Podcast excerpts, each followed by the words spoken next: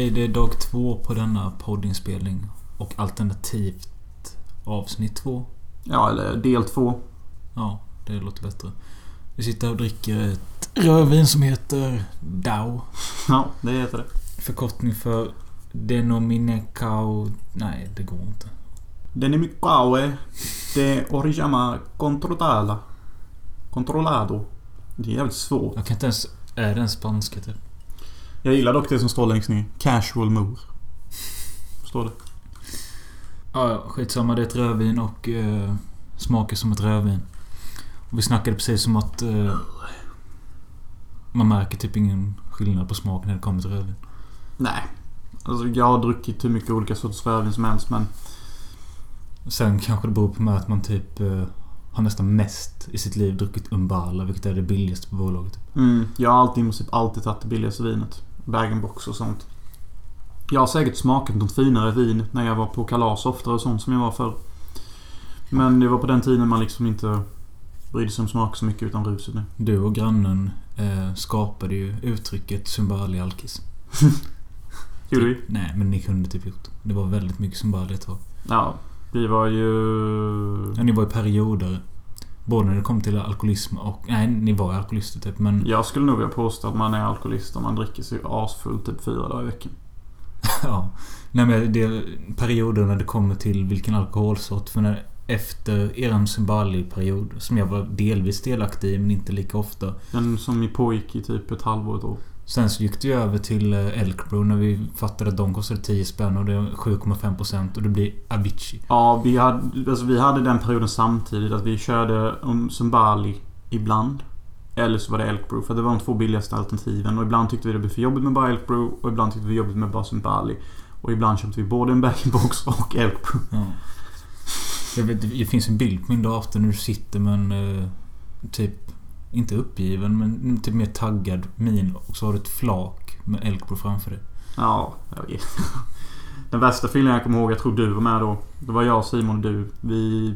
Klockan var typ... Vi slutade ett på en fredag eller någonting. Och så gick vi hem till mig efter Systembolaget. Och så typ klockan tre eller någonting. Så var jag och Simon asfulla. Och så vaknade vi upp vid nio. Jag känner igen Jag har för mig att du var med och sen så lämnade du bara oss för att vi blev för mycket så ja, snabbt. jag känner igen detta. Och jag tyckte det var riktigt stört att vi drack oss så fulla att vi typ däckade vid fyra, tre. Och sen vaknade upp typ klockan halv tio. på. Ja. Inte på natten, på kvällen. Ja, Ja. ja det, jag vet inte om det är charmigt eller äckligt men... men vad fan. Det var liksom... Eh, vi var unga, det var i gymnasiet och... Det är bra att ha sådana extrema perioder Mm. ibland känner jag. Annars, vem vet hur sjuk jag hade varit nu? Nej, nej det är sant. Nej men vi pratade ju om LA Gigolo innan och så Jag tror det var då vi hintade om att eh, det kommer bli en film i LA fast lite mörkare. Mm. Och det är filmen To Live and Die in LA från 1985. The director of The French Connection is back on the street again. To live and die in LA. Och det är en mörk och hård och dyster film. Med mycket ära och svek. Men stryk det sista. Ära och svek då. Ja. Men innan vi går in på djupet av det mörkaste hål som är To Live and Die in LA. Så vill jag erbjuda Mölle en liten avskedspresent. Då detta faktiskt är The Last Night That I Sleep Here. Ja, ja, är det det? Mhm. Ja, det är. För att jag åker imorgon eh, till Unnaryd typ fyra på dagen eller någonting. Jaha, jag har hela tiden trott att du skulle vara kvar här och åka härifrån fyra på natten. Jaha, nej jag åker till Unnaryd. Ja, ja, för att vi liksom kommer åka fyra på natten från Unnaryd. Det är ändå morsan och de som Ja, kör med. okej. Men alltså om du vill så kan hon säkert hämta mig här men Det, vi det- kan diskutera det imorgon. Ja. Hur det känns. Men eh, jag tror också morsan vill ha en sista kväll med mig med typ. Ja, ja. Ja. Men ja, men i alla fall. Detta är nog troligtvis den sista natten. Eh, jag sover här. I alla fall, jag har en liten avskedspresent. Tänkte jag skulle hämta och visa den. Kan du gissa det? Eh, nej, jag bara så tänkte men det är jag som borde ha en present till dig.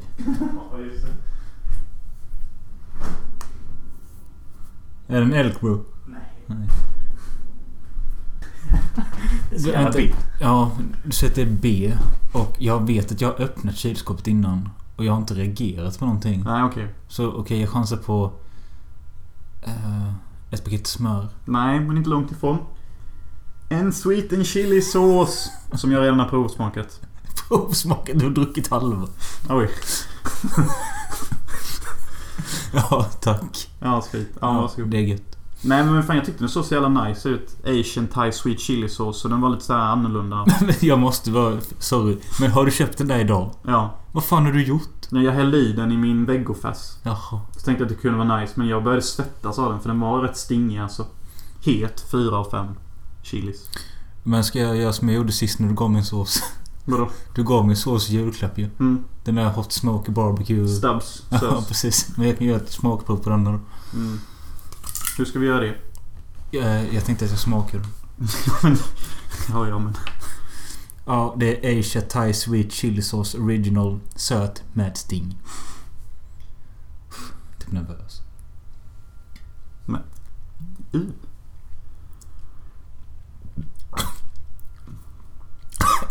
Sa jag att det var sting? Nej men det var gott. Kanske inte dricka rent så här men... eh, Nej men det har ju varit lite såsbrist de senaste dagarna. Ja, så det jag har tänkte det. kunde vara kul att mixa upp med lite sån här. Det är ju nice ibland. Alltså vi har fan till och med levt i en vecka typ utan ketchup. Ja, fan vad mörkt. Nej men tack så mycket, det behövs fan. Yes. Ska vi fortsätta med filmen vi nämnde? Mm. To Live and Die in LA av William Friedkin. Mannen som alltid kommer vara mannen som gjort Exorcisten. Alltså? Ja. Och han är känd för Exorcisten främst. Sen efter det så tror jag det är French Connection. Och sen kanske denna. Nej, jag vet inte. Han gjorde uh, den här bög-slasher-filmen med Al Pacino som inte alls är en slasher men... Har du sett en cruising när Al Pacino är typ undercover-snut som måste gå in i bögträsk för att eh, det är någon som går runt och mördar bögar på läderklubbar? Ja. Ja, jag känner igen det. Men jag har ingen aning om vad fan det Det är. är rätt bra och... eh, Ja, vad fan Freakin gjorde ju Killer Joe också. Den gillade jag som fan. Och det är den med Matthew McConaughey va? Ja, Som förför en hel familj som en psykopat och Ja, styr över alla. precis. Mm. Nej men han... han eh, alltså det kanske... Jag vet inte om det finns något som kännetecknar honom som regissör. Mer än att han... Jag vet inte. Eh, Han... Nej men det är svårt att hitta någon slags koppling mellan alla dessa filmer. Ja. De är rätt lika typ. Nej, jag menar olika. Ja.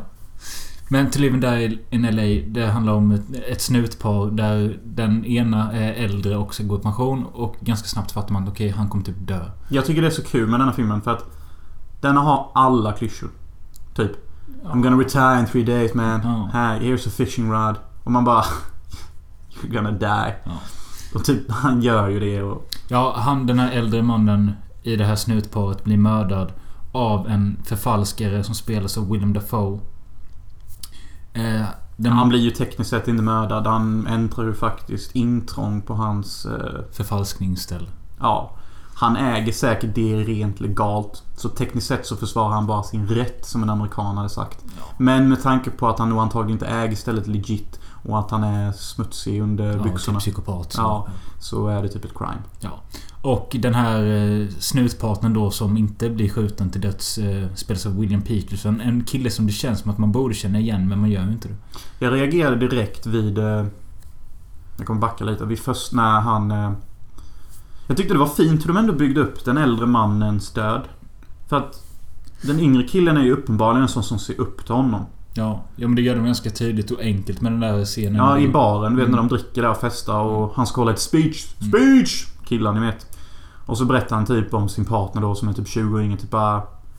There's no one I would rather have by my side than this guy right here. Och den yngre killen är på gränsen av att hamna i tårar. Han är så glad över att han får höra detta. Det är typ det bästa en sån som han kan få höra. Och sånt tycker jag är skönt när en film kan alltså typ eh, visa starka band mellan, mellan människor typ på 5-10 minuters speltid. Ja, det gjorde de jättestarkt. Det var kan, inte filmens starkaste scen kanske. Nej, nej, men det jag var den bara- finaste scenen.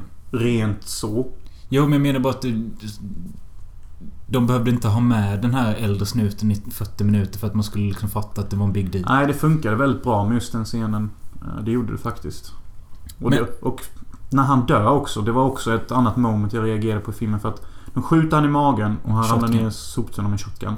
Och sen så skjuter de typ av hans halva ansikte med shotgun. Och detta är 80-talet och den är rated R. Det betyder att vi kommer få se så gorigt det kan bli typ. Mm. Och det ser rätt hårt ut. De skjuter bort hans hela fucking ansikte. Ja, och eh, det är väl lite det denna filmen är känd för. Typ att den har en ganska så här rå touch till allting. Typ Den är ganska väldigt- cynisk Ja, och... väldigt cynisk, mörkt och typ så här realistisk. Ja. Ja, jag skulle vilja säga att den ändå är realistisk för det är inte typ så här glasklart att liksom folk kommer att överleva. Typ som det är när man sätter på Dödligt Vapen eller Die Hard eller någon annan random Nej. cop-film eller vad fan som helst. Då vet man typ att hon kanske överlever men han kommer att dö typ och sånt. Men jag tänker, filmens första scen är ju när de jagar någon jävla terrorist eller något som hoppar ut och spränger sig själv utanför en byggnad eller något sånt. Mm. Ja, där kanske man inte känner det men när man får se att de liksom blästar den här gamla gubbens ansikte. Då fattar man ju typ att jaha, detta är en ganska rå film typ. Mm. Eh, Men ja, handlingen är kort och gott att eh, den unga partnern ska liksom hitta Willem Dafoe typ och... eh, I will do anything I can to fucking nail this guy. Ja. Och sen har man typ en klassisk snutfilm från 80-talet som inte är så klassisk. Nej exakt. Han får en ny kollega. Som är en loser. Fy fan, han, han verkar inte närvarande för fem öre. Typ, alltså han går hem till sin förkrossade poliskollega som har förlorat sin mentor och bästa vän typ. Och han står där och typ nästan på bristen av tårar och typ pratar om hur mycket han ska naila denna. Och det enda den här jävla loser-cop, hans nya kollega, säger är bara I hear you. I hear you.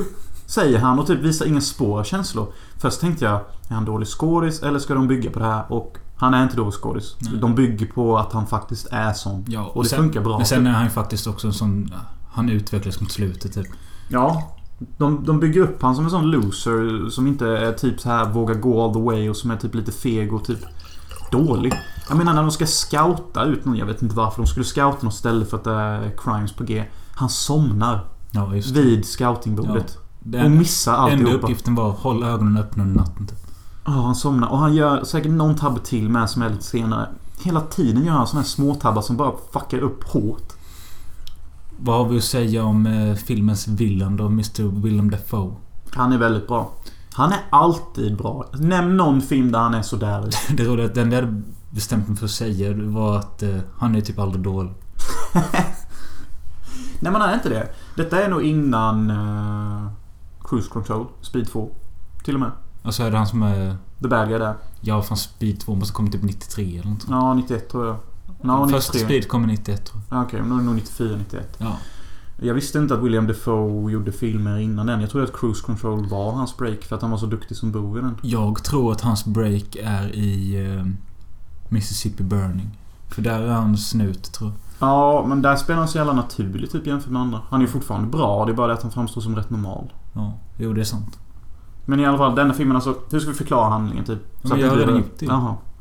Men vad kan man säga om Ja, den men, filmen? jo, men alltså, det jag sa som grundhandlingen är, det är ju att den här snuten då, huvudrollen, ska leta upp Willem Dafoe för att få tag, sätta dit honom för all förfalskning. Han förfalskar sedlar. Som också är gjort i en scen som han faktiskt blir engagerad i att kolla på när han förfalskar sedlar, tycker jag i alla fall. Ja, den är typ tre minuter lång. Mm. Och den går igenom hela processen. Allt från att han printar pengarna till att han lägger till personliga Ja, ko- koder typ så att se- ja. sedeln inte blir likadan. Och hur han flashar dem med någonting och sen slutligen hur han tvättar dem i tvättmaskinen med ja, fejkade mynt så att det ska se lite skrynkligt ut. Mm. Väldigt intressant att se typ. Ja, det är det jag menar. Så det, det, då krävs det ju någon form av... Eh, men då bevisar regissören då, William Friedkin att han kan göra någonting som borde vara tråkigt att kolla på kul. Jag kan dock tänka mig att vissa tyckte säkert den scenen var dödstråkig. Ja, Jag vet fan inte. Ja men det tror jag nog. Eh, vad fan kan jag inte huvudkaraktärens namn för? Men skitsamma. Ska vi inte bara kalla honom eh, Snuten. Renegade Cup? Ja, visst. Men han, han har ju någon sån här infiltratör i form av en tjej som eh, jobbar eh, på någon jävla horklubb eller något sånt. Ja just det, det har han. Någon som han ligger med då och då. Som ger honom lite info om vissa saker. Och sen så har vi John Turturro som jobbar för Willem Dafoe. Och som också blir en sideplot typ. Ja, alltså det jag märker nu när man pratar om filmen är att den är typ svår att återberätta. För att det är alla dessa olika nystor som knyts ihop till en main story. Jag tycker istället för att försöka prata om handlingens Vi struktur. behöver egentligen inte göra det. Nej, det jag tycker är mer intressant att prata om. Det är typ karaktärerna. Huvudpersonen, Renegade Cup. Mm. Okej, han framstår som Mr Justice. Han är liksom the good guy. Jag han tycker inte naila det. denna. Men! Desto längre filmen fram man kommer i, då märker man rätt så tidigt att han är i princip en bov också. Så alltså om man jämför boven och snuten så är typ William Defoe ungefär lika mycket bov som han. Alltså enda anledningen till att William Defoe sköt den äldre mannen Det var för att han var at the wrong place at the wrong time och hade han skickat dit snutarna medan han var där Då hade hela hans business och han gått åt helvete. Jag kan förstå att han sköt honom. Och när han går och mördar andra så är det för att de är skyldiga honom pengar. Typ, eller typ försöker mörda honom eller någonting. Så, och sen så har vi då Renegade Cup. Det han gör sen är för att de har kommit på en plan till att basta den här William Defoe. Men då behöver de 40 000 dollar. Det får inte de låna av polisstationen. Nej. Så de måste råna pengar och det är det där Renegade Cup kommer på den där briljanta idén. Om att vi, vi rånar någon för att vi har information om någon. Så nu ska de vara villains en kort stund för att sen vara good guys senare. Det gillar inte hans kollega. Och, men han ställer upp på det till slut. Ja. Det är där man får det här momentet att man tror, att han kommer vara värsta tönten. Sen så bara... Uh, och då är ju... Då finns det ju en jättespännande scen i filmen. Tyckte jag.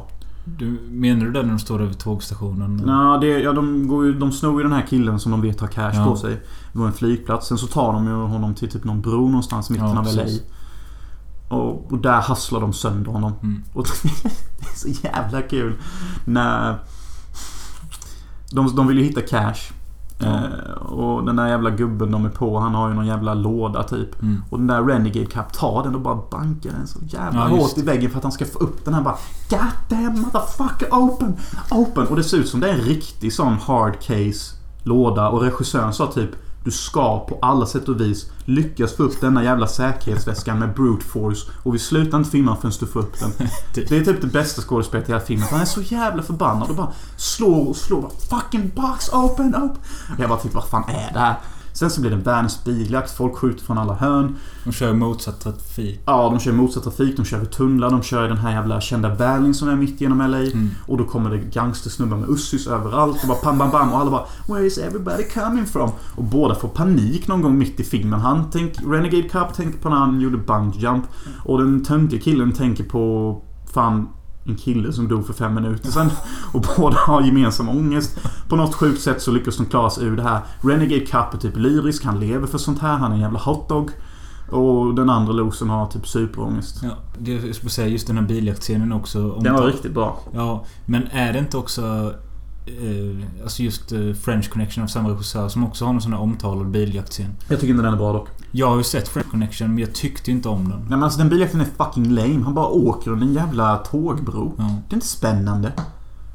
Alltså de flesta biljakter från förr, ja majoritet, är ju typ inte bra. Mm. Den här funkade för att det kom random snubbar från alla håll och de var jagade av bilar hela tiden. Ja, och sen att det inte är så jävla ofta att man ser att de kör liksom motsatt trafik med så mycket jävla bilar. Nej, och den var väldigt välgjord. Det var många sekvenser. Ljuset var rätt hela tiden. Det blev inte så här spontant ljust eller spontant molnigt. Och det var genom riktig trafik och ingen CGI och bra spänning. Och till och med sådana moments att de gör en visualisation av ångest mitt Mm. i en actionscen.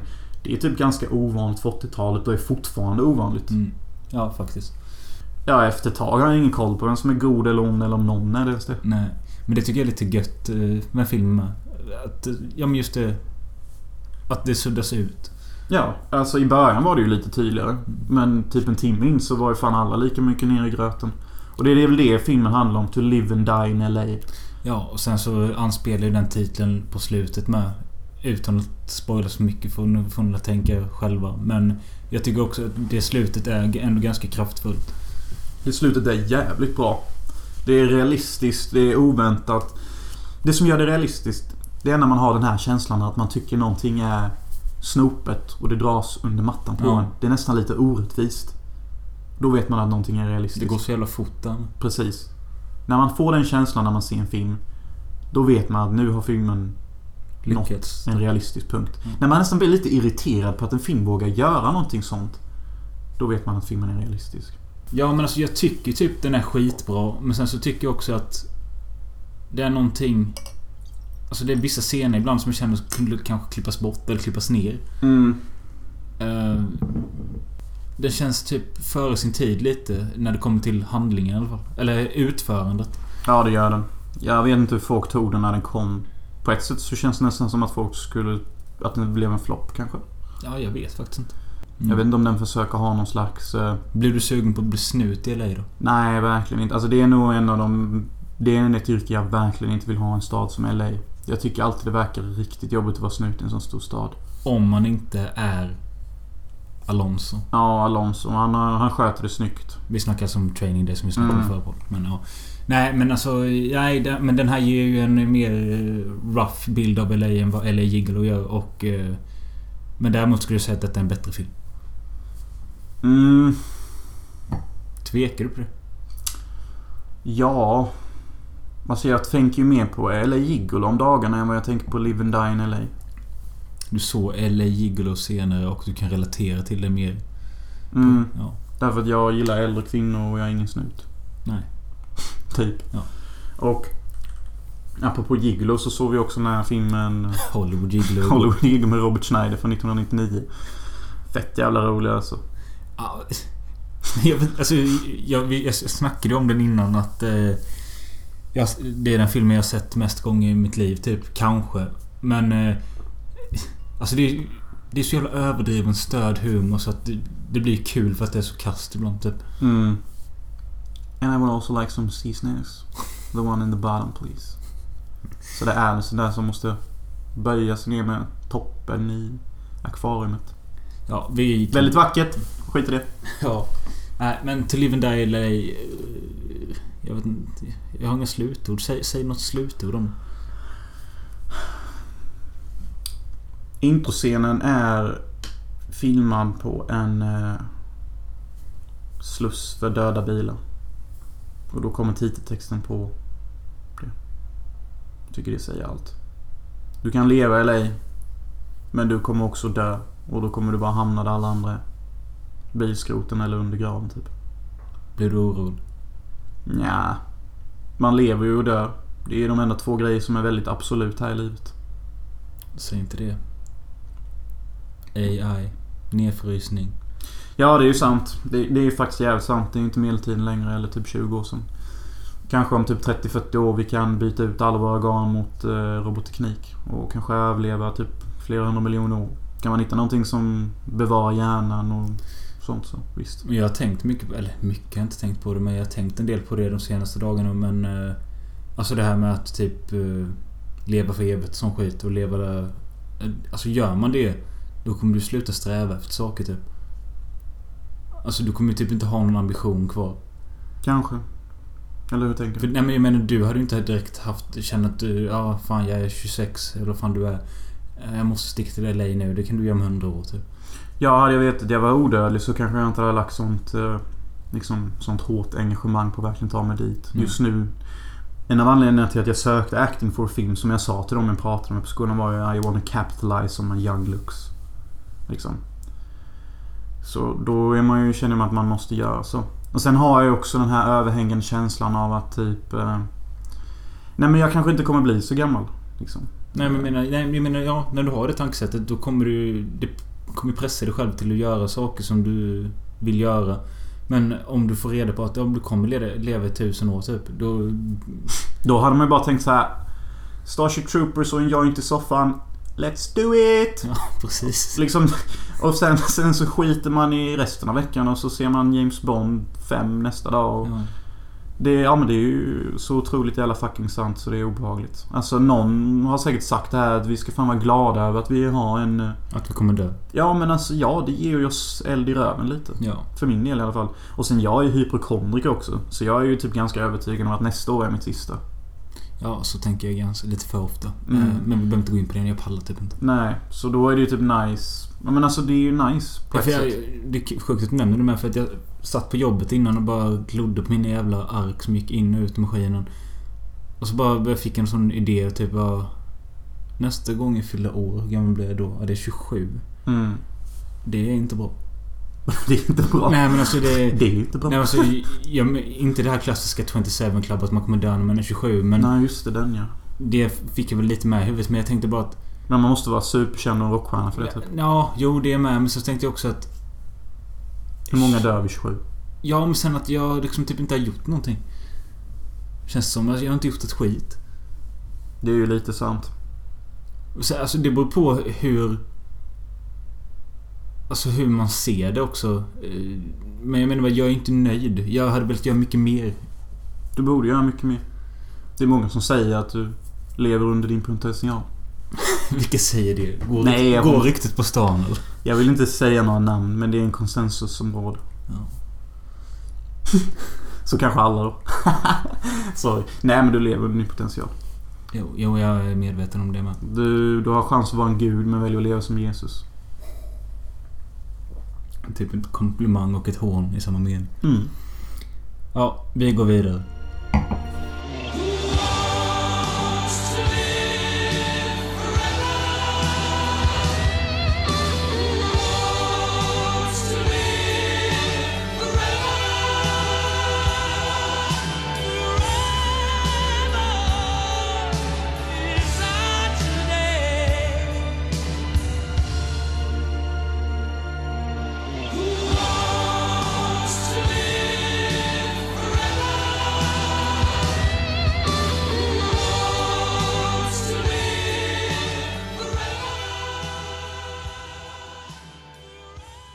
Vi har inte så mycket mer att säga i den här podden mer att jag vill höra lite om dina... Vad, vad kommer du... Vad tror du kommer sakna mest med Sverige? Alltså okej, nu låter det som att du aldrig mer kommer återvända men vi vet ju inte. Någonting kan hända. Du kanske aldrig mer återvänder. Vad kommer du sakna mest med Sverige och det du har här? Dig. Fan, fint. Eh, Nej, men det är sant. Jag sa det till Simon och Grönkål innan. Eller ja, mest Grönkål. Att, nej men... eh, Ja, men dig. Det, det är det jag kommer sakna mest, tror jag. Ja men det är jättefint och snällt av dig att säga så men... Du vet också att det är mig du kommer ändå typ ha mest kontakt med. Ja. Nej, men alltså bara kunna vakna upp här och ha det rätt fritt och ligga i soffan och se film och klippa och redigera och Ja. typ ta det chill och inte ha någon jävel som klagar på en för att man gör som man gör och är som man är. Nej. Nej, det fint. Men utöver det? Hmm. Det är inte så mycket jag kommer sakna med Sverige, helt ärligt. Jag gillar inte så mycket med Sverige och jag tycker Men- Sverige... Du, du kommer bara sakna mig, du kommer inte sakna någon annan. Jo, jo, alltså... Oh, förlåt. Det är såklart jag kommer sakna Simon, grannen med. Han är ju asnice och med på fester och sånt. Jag kommer sakna Grönkål också. Och, och vissa brudar här med, men... Alltså om jag ska vara helt ärlig så tycker jag att Sverige är ett land som... Som inte har behandlat mig så väl, tycker jag. Jag tycker typ... Att jag nästan alltid har alltid fått stå upp för mig själv hela tiden på alla möjliga konstiga sätt där jag inte ska behöva stå upp för vem jag är. Typ med min konst och, och annat jag inte kan nämna för att då blir det legala problem. Liksom. Se, att jag inte ens får nämna vissa saker är ju någonting som gör att jag stör mig på Sverige. Mm. Det är liksom den här tabun vid ord och... så, se, alltså så fort jag börjar prata om Sverige så börjar jag bara prata om det jag stör mig på. Det är så svårt för mig att picka ut saker jag tycker om. För att när det kommer till det jag tycker om med Sverige så är det bara vissa individuella människor. Och kanske naturen. Kommer vi få reda på vad det är du tycker om nästa vecka? I LA?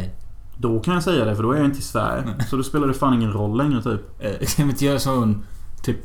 Vad heter det? Poll? Där folk kan rösta vad de tror att det kan vara. Svårt. Nej men alltså vad fan kommer jag sakna med Sverige? Alltså... Ja, men alltså typ, det är nog därför jag inte känner någon ångest inför resan. För det finns typ ingenting jag kommer kunna sakna direkt. Alltså vad fan ska jag sakna? Nej, typ? och jag det är dåligt väder. Det är kallt hela tiden. Ja. Folk är negativa. Ingen ler mot Det är varandra. så kul att du säger det typ århundradets varmaste sommar. Ja, ja, jo visst. Den här sommaren har varit ett litet undantag. Men det har fortfarande bara varit tre månader. Och i första juni månad var kall. För jag kommer ihåg att jag låg under täcket ofta för det regnade ute och blåste. Visst, halva juni, hela juli och halva augusti var ett dunder all the fucking way. Men det är 45 dagar av 365. Nej men jag, That's not very good. jag tycker det är skönt att du, att, alltså, att du känner att det är inget annat du kommer sakna mer än eh, de du hänger med, dina vänner och sånt. För det är ju du ska, alltså... Det är inte normalt att sakna det här typ. Nej men alltså det finns inte så många redeeming qualities med Sverige. För en Mm. sån som mig. Det finns vissa här i detta landet som verkligen älskar Sverige med hela sitt hjärta. Jag ser dem varje dag. Och till er vill jag ju bara säga grattis. Kul att ni föddes i världens bästa land som ni tvunget alltid måste säga. Och att demokratin här är underbar och staten tar hand om oss. Jag köper inget av den skiten. Jag tycker inte direkt staten har tagit hand om mig. Visst, ni var jävligt schyssta vid vissa tillfällen. Såg under mattan med vissa saker. Kanske mest för att jag är väldigt vältalig och trevlig. Men... Kom igen. Det var så kul innan. Eh, tidigare då, innan jag stack till jobbet så skulle jag... Fan vad det skulle... Jag skulle slänga någonting i skräpet. Så bara se ett eh, kuvert som sticker ut och det står förhör med Jonas Hansen. Protokoll ledd av pol polisman bla bla bla. Det känns My jävla... mother is listening to this pod. But whatever. Jag blev inte tagen. Så keep on talking. Nej, då borde jag tyckte det var så jävla kul. Bara att, jag- ja, där står jag och slänger en ostbit på en jävla protokoll från ett förhör. Typ. Nej, men det har ju varit mycket gnabb med mig med eh, auktoriteter här i Sverige. Och jag tror inte direkt det kommer bli ett undantag i LA heller. Om jag ska vara helt ärlig. Det är bara det att eh, så som jag är och vad jag tycker och tror så kommer jag antagligen få mindre problem i LA än vad jag får här i Sverige. Mm. Men alltså nej, vad fan kan jag sakna? Typ alltså... Men du behöver inte tjata mer om det. Du har sagt det viktiga. Tycker ja, jag. Ja, För du faktiskt. nämnde mig. Mm. Eh, alltså jag kommer sakna dig med. Och jag, alltså jag... Eh, det är bara nu den senaste veckan jag har liksom fattat att det kommer att kännas konstigt nu när du sticker. Mm, men det är samma sak för mig. Men jag tror en stor anledning till det är för att liksom... Ja, vi har haft så många olika sjuka grejer planerade under hela sommaren. Så att det har liksom varit så här att... Först var det liksom Emmaboda. Stor jävla fet festival på fyra dagar. Hela Sverige kommer vara där och det är sjukt som fan. Det är ändå big event. Då är det den sjuka grejen. Efter Emmaboda då var det min jävla filmbiovisning. Det har varit små steg, eller, eller mål hela tiden. Och då har det också varit en stor sjuk grej. Så liksom... Då blir det att man först taggar till det och sen ställer man in sig på det. Och nu efter min filmvisning, då var vi båda så jävla väcka att det tog typ två veckor för oss innan vi fick tillbaka medvetandet från vår alkoholfylla. Ja, då var det dags igen. Och sen så var det ungefär en vecka tills jag skulle flytta. Så det har liksom blivit så här att man inte har... Det har inte varit... Det har inte kopplat riktigt Nej, att men- det är så nära. Nej, för att det har alltid varit något sjukare innan typ. Mm. Och det, denna sommaren har fått mig att inse det att det bästa i livet egentligen, det är om man har tre, fyra sjuka grejer inplanerade hela tiden. Mm. Nära in på varandra. För då hänger man inte upp sig på någonting. Jag tänker så här, fy fan vad jobbigt denna sommaren eventuellt kunde varit om vi inte hade Emmaboda och jag inte hade min filmvisning. Då hade ju det bara varit typ en lång väntan på att jag åkte. Och då hade det kunnat vara jobbigare tror jag. Tänk hur fucking deppigt det hade varit om du bott kvar i Önnered. Och bara kommit hit någon dag då och då. Ja. Det, ja, jag menar det. Det här har varit sugigt som fan. Ja, men om vi vänder på det då. Vad, vad är dina största expectations med LA? Alltså nej men vi säger så här. Vi säger att du enbart blir kvar där de här nio månaderna skolan är. Nej, men jag... Det, det behöver vi inte säga. Jag tyckte det var en kul fråga. Jag skulle bara samla min hjärna lite. Mm. För det här Mölle sa att liksom... Visst, det är preliminärt nio månader. Men jag har pratat med många som har gått i skolor i LA och sånt och många av deras föräldrar har sagt typ att Ja, min son åkte ner till LA och skulle bara vara där ett år men ja, nu är han borta i fyra. Så, Mm. och så skrattar de och kollar på mig. Kanske blir så för dig. Mm. Så man vet aldrig. Men mina biggest expectations med LA är för det första varmt soligt jävla sken. Sköna peoples. Eh, och för mig personligen att det är goa jävla fester. Som är liksom så jävla goa att jag kan inte fatta att liksom, det känns fan som jag gick in i en American Pie-scen. Det hoppas jag det ska kännas vissa gånger. Typ fest, beer kegs, beer pong, slutty chicks, douchey guys. Men alla är sköna liksom. Visst, det hoppas jag verkligen på. Annars, jag har inte så mycket expectations faktiskt. För att jag har ingen aning vad fan som väntar mig. Jag har aldrig umgåtts med amerikanare direkt så. Det hade varit så jävla kul om du lyckats infiltrera en sån här klassisk studentförening. Du vet typ Omega Delta Beta. Camp, Ja. here we go, 77, Omega. För det är ju något man inte har något liknande i Sverige. Typ. Nej, men det jag vill få ut av resan det är att jag i alla fall ska bli någon form av etablerad skådis som lyckas naila en långfilm. Eller i någon roll. Jag ska hitta en producent till Eyes of the Sun och vi kan börja producera ut den. Jag har inte kollat upp detta men eh, jag tänkt tänkt på det några gånger eh, Att du borde på riktigt eh, kontakta de här Mumblecore-människorna. Alltså de, de eh, Jay och Mark Duplass och eh, Joe Swanberg och hela det gänget som gör nollbudgetfilmer som ändå sticker ut och får widespread. För där borde du passa in. Mm, jag tror det. Min konstnärliga läggning passar bättre in i amerikanska. Jag har alltid tyckt att jag är en bättre skådespelare om jag får prata engelska än svenska. Ja, men jag menar just de här människorna som jag nämnde. För att de är ju för det du... Alltså, det ska gå fort. Och det liksom... Ja, ja, ja för fan. Jag gör ju många improviserade scener Ja. på plats. Bara så där, boom. Vi kör på denna idén istället för det manuset Mm. jag skickar till er. Bara ställ om er nu. Booyah! Sen i och för sig så börjar ju Mark Duplass och Jay Duplass bli lite för stora. Ja, de börjar hamna i mer etablerade film och sånt. Mm. Men det är, en bra, det är ett bra förslag. Fan, det är ett riktigt bra förslag. Sen också en annan grej jag hoppas på det är att brudarna ska vara trevligare. jag hör hur sjukt det låter. Men det hoppas jag verkligen de är. Men min vision av en, alltså en amerikansk... eh, Varken tjej eller, eller både tjej och kille det är ju att... det- Alltså... I alla fall första intrycket man kommer få är att de är trevliga. Ja. Jag har alltid upplevt att brudar här i Sverige till stor majoritet alltid har en lite otrevlig ton. Faktiskt. Tyvärr. Det är så jag upplever det bara. Eh, Även om jag är glad och snäll och ler när jag möter kvinnor så upplever jag ändå alltid den här lite... Ja men Ja, de, men att de är bättre än mig de, tror ju bara att du vill knulla. Ja. Och även Så- fast så- det är typ mitt slutmål så är det ju definitivt inte det jag tänker första gången jag träffar dem och umgås med dem. Men vad jag menar är att liksom... Amerikaner överlag är ju mer utåtriktade och sociala. Vissa brukar ju säga att de är överdrivet trevliga så det går till gränsen av psykbryt för de som umgås med amerikaner och inte är van vid det. Men jag är ju en väldigt trevlig person. Och jag är ju även trevlig när jag är på otrevligt humör. Så jag tror det kommer funka väldigt bra. I beg to differ. Nej men ja, visst. Jag tror alltså det kommer gå bra. Du kommer nog smälta in ganska snabbt. Ja, och det är en förväntning jag har för att jag tycker liksom att...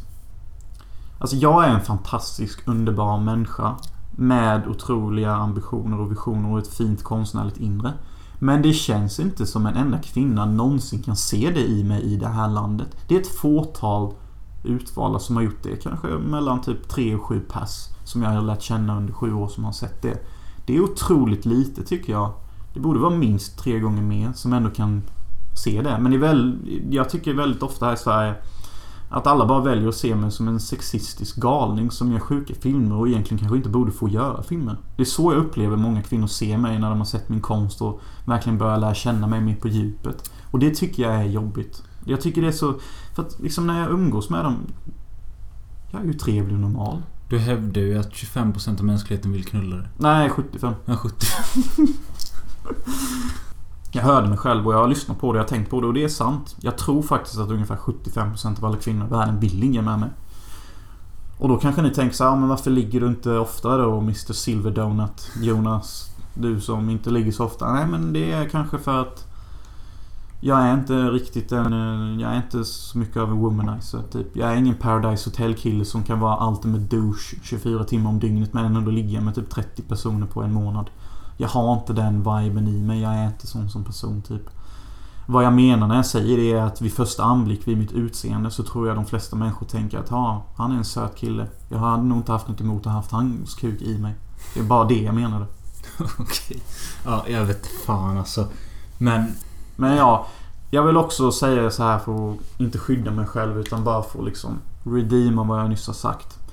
Jag tycker inte illa om svenska kill- kvinnor överlag. Det är bara det att jag tycker liksom att fan, kan inte bara vara lite mer trevliga typ? Eller lite mer kvinnliga? Typ. Nu låter jag ju ännu värre. Ja, så. Men jag menar Sverige har blivit ett sånt jävla land där typ kvinnor ska vara nästan mer som män typ. Det har, vi är ju så progressiva att ha... Att män är nästan kvinnor i detta landet. Jag tycker typ... Det är oftare jag ser en kvinna som är en man än jag ser en man som är en man. Och jag vet att detta kanske kan slå fel i era öron för att Sverige är så progressivt att man inte ens får dela in folk i kvinnor och män längre utan det är hen och sånt. Och det är det här jag har så svårt med för Sverige att vi är så överdrivet progressiva att det har blivit så svårt att hänga med vad som är socialt acceptabelt när man börjar prata om termer som män och kvinnor. Och jag tycker inte det är kul. Nej, det är det verkligen inte. Jag tycker bara det är jobbigt. Och jag tycker det blir för mycket. Liksom, jag har inget emot att en manssymbol på en toa är blå och en kvinnlig symbol på en toa är i rosa. Det stör inte mig. Det är färgfördelning bara. Det är ett system. Men Sverige fattar inte det. Och det blir att det blir den här stämningen i landet hela tiden som är så jävla... Bara för att du är man så tror inte du att du ska få mig. Eh, jag är kvinna, jag är bättre än det. Alltså, det blir den här typ. Jo, jag fattar vad du försöker säga men jag orkar typ inte diskutera. Nej, inte jag heller. Jag känner redan att jag har sagt för mycket om ämnet. Ja. Jag tycker vi kan avrunda podden som jag tycker ändå känns rätt bra och blandad och skön typ. Ja... Jag kanske kan fråga dig lite frågor. Ja visst, kör på. Hur tror du det kommer kännas med att jag liksom lämnar dig här och detta gäng? Hur tror du stämningen kommer bli när inte jag är med i smeten längre? Jag menar, jag är ju en ganska primär roll när det kommer till festandet och sånt. Ja. Eh, eh, nej, vad ska jag säga? Jag tror att det kommer kännas... Eh, efter när du stuckit imorgon så tror jag det kommer vara en sån här... Eh, ja men typ samma slags eh, tomhetskänsla som jag snackade om i MN-podden. Att när man har varit så nära folk så länge så liksom helt plötsligt försvinner det så snabbt. Mm. Då kan man känna en tomhet och liksom... Samtidigt som jag kommer känna att det kommer vara skönt att vara själv igen. Eh, Ja, det tror jag säkert du kommer tycka vissa. Ehm, och sen är det så att jag ser det liksom inte som att... eh, det... Alltså jag vet ju typ att vi kommer snacka om en eller två veckor igen. Mm. Eller säkert redan imorgon. Eller när du är där menar jag. Så över ett sms eller Facebook eller vad fan som helst. Det kommer vi garanterat Eh, göra. Så därför tror jag inte det kommer kännas så konstigt. Men sen om att man märker efter kanske någon månad eller två eller tre att... eh, Ja vad fan, det är någonting som saknas här i fyllan typ. Ja, är det Jonas kanske? Ja, det är det fan kanske. Mm. Men då får du fan ringa upp det på Skype eller något. Får du vara med över Skype. Ja, men absolut. Nej, men du har en poäng där. Alltså liksom... Världen är liten nu för tiden som jag sagt. Jag hoppas bara liksom inte jag blir helt lost där LA och glömmer bort alla här nere. Men jag tror typ inte det. Nej, för att nu när jag har långfilmer med mig och har engagerat mitt filmcrew så mycket Mm. som jag har gjort de senaste dagarna. För vi har pratat asmycket, eh, mitt cast och jag.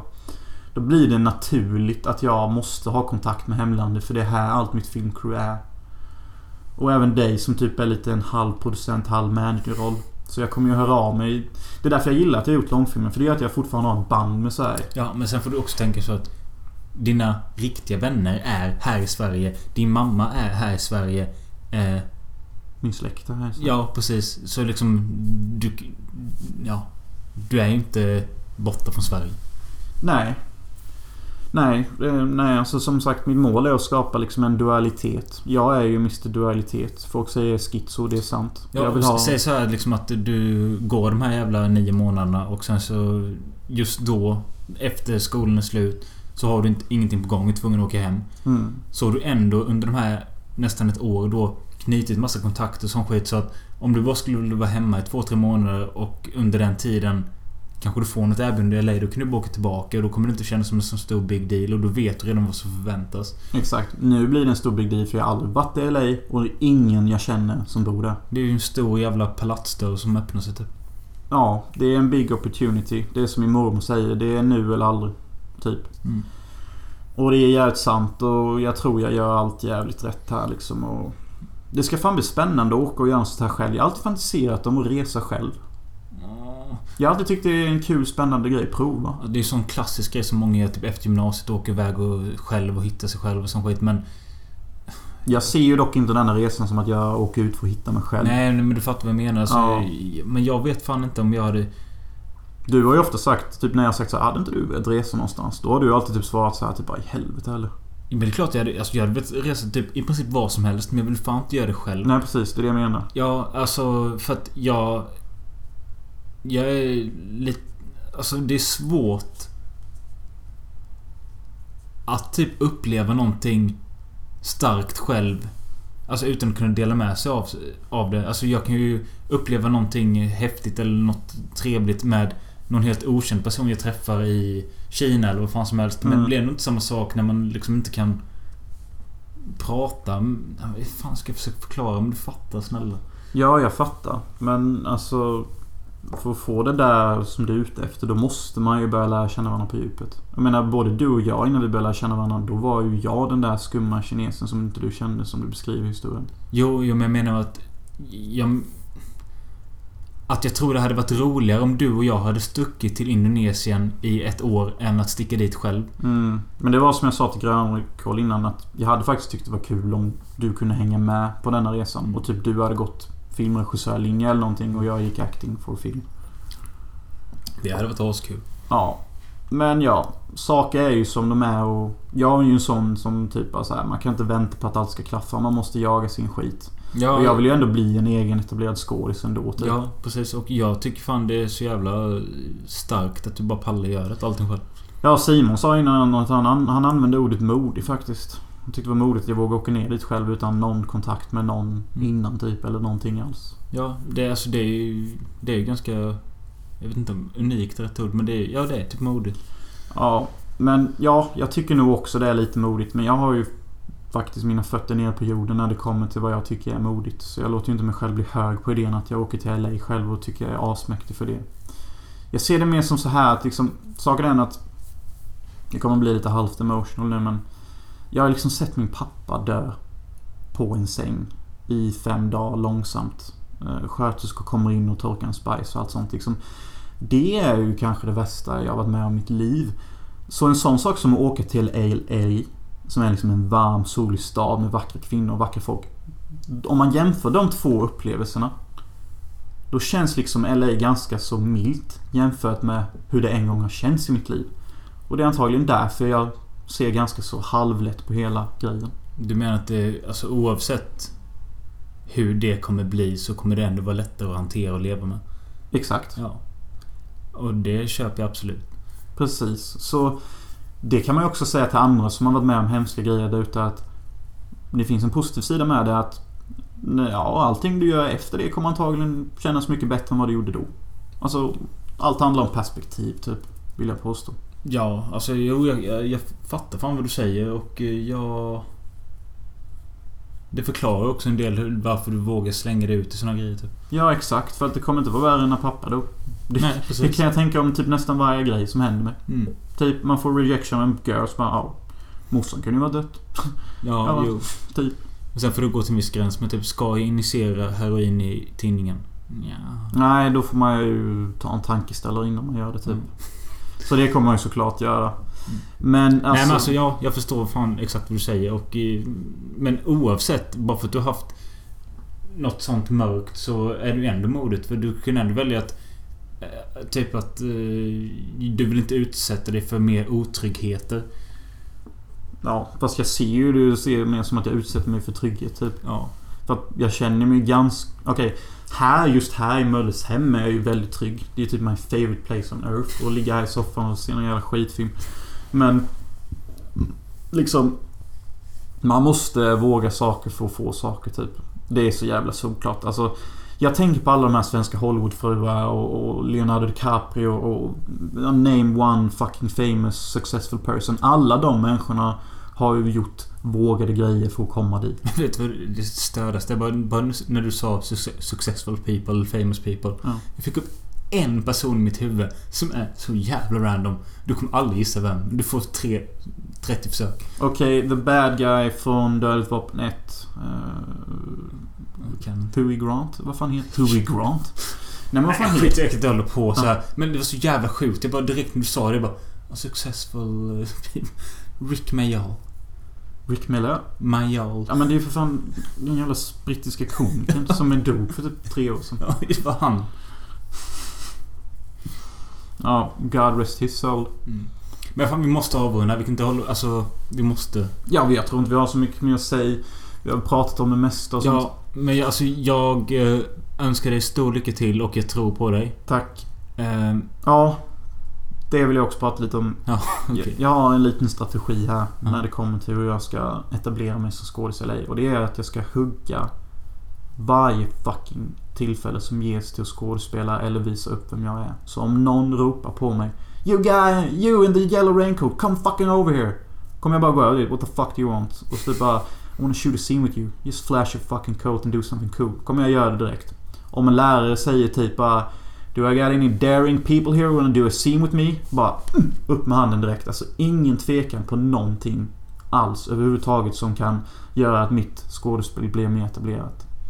Nej men det är ju skitbra. Ja, det är min plan. Men nu, ja. Kanske typ inte om någon säger stå i en gränd och bara kom in här och ska vi filma någonting. Nej, man får väl vara lite försiktig typ. Som vi inte börjar spela in knark på helt plötsligt. Men vi måste fan avsluta annars blir detta världens längsta podd. Och Yes. som jag sa, jag önskar lycka till och jag tror på dig. Eh, nästa gång vi snackar... Vi vet inte riktigt när det blir men jag skulle tippa typ om en, två veckor. Mm. När du har liksom kommit eh, till eh, settle settle down lite och sånt och kanske har lite att berätta om hur det känns på skolan och sånt. Hur det känns att vara där och hur Ja. det känns med alla jag träffat och om jag ens har träffat någon. Ja, precis. Det första boendet jag kommer ha har jag ingen aning om vilka som är där eller om jag bor själv eller Nej. någonting. Jag vet bara att jag kommer få en säng, säkerhetsbank och... Det, det du borde göra är att... Eh, från och med det att du åker, alltså typ på planet. Så borde du börja notera din mobil i anteckningar. Typ bara en enkel mening typ. Alltså, vad du kan nämna i podden. Fram tills det att vi poddar. Mm, det kommer jag nog göra också. Så jag kommer. Det kommer jag definitivt göra. Tänk så har jag till och med något jättekul att berätta den Ja, det hoppas jag verkligen. Det kanske händer asmånga sjuka grejer efter jag stuckit. Tänk så är du någon som katalysator att... när- Underbart ord. Ja, men det är det jag tror. Jag tror att, att jag gör det här kommer sända ringar i vattnet som gör att många sjuka grejer kommer hända här i Hylte. De kommer kanske inte komma så här redan dagen efter men Nej. de kommer smyga sig in en vecka eller två så kommer oj, nu hände den sjuka grejen. Och sen hoppas jag att du som du sa att eventuellt att du kommer hem över jul och sånt. För då får vi fixa till någonting. Ja, jag är typ redan nu taggad på att komma hit till jul igen.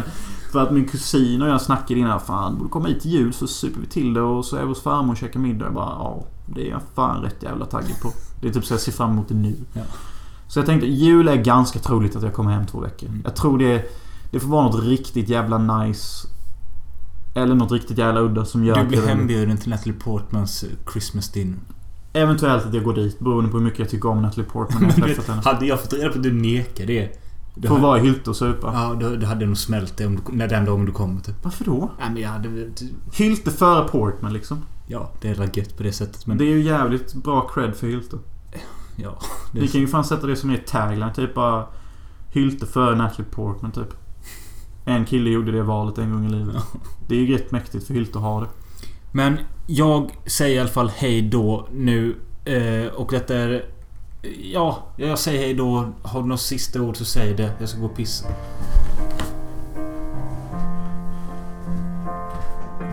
Jag inte ska gå och pissa.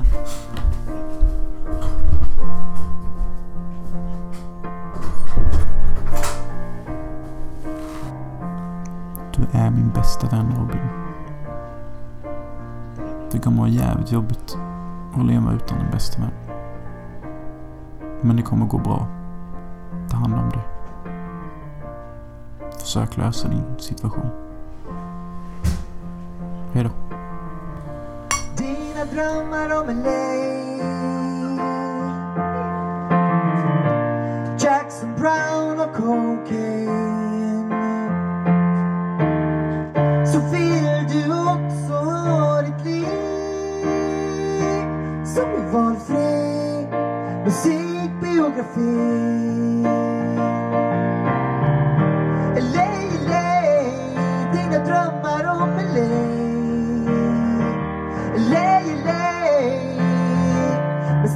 stay.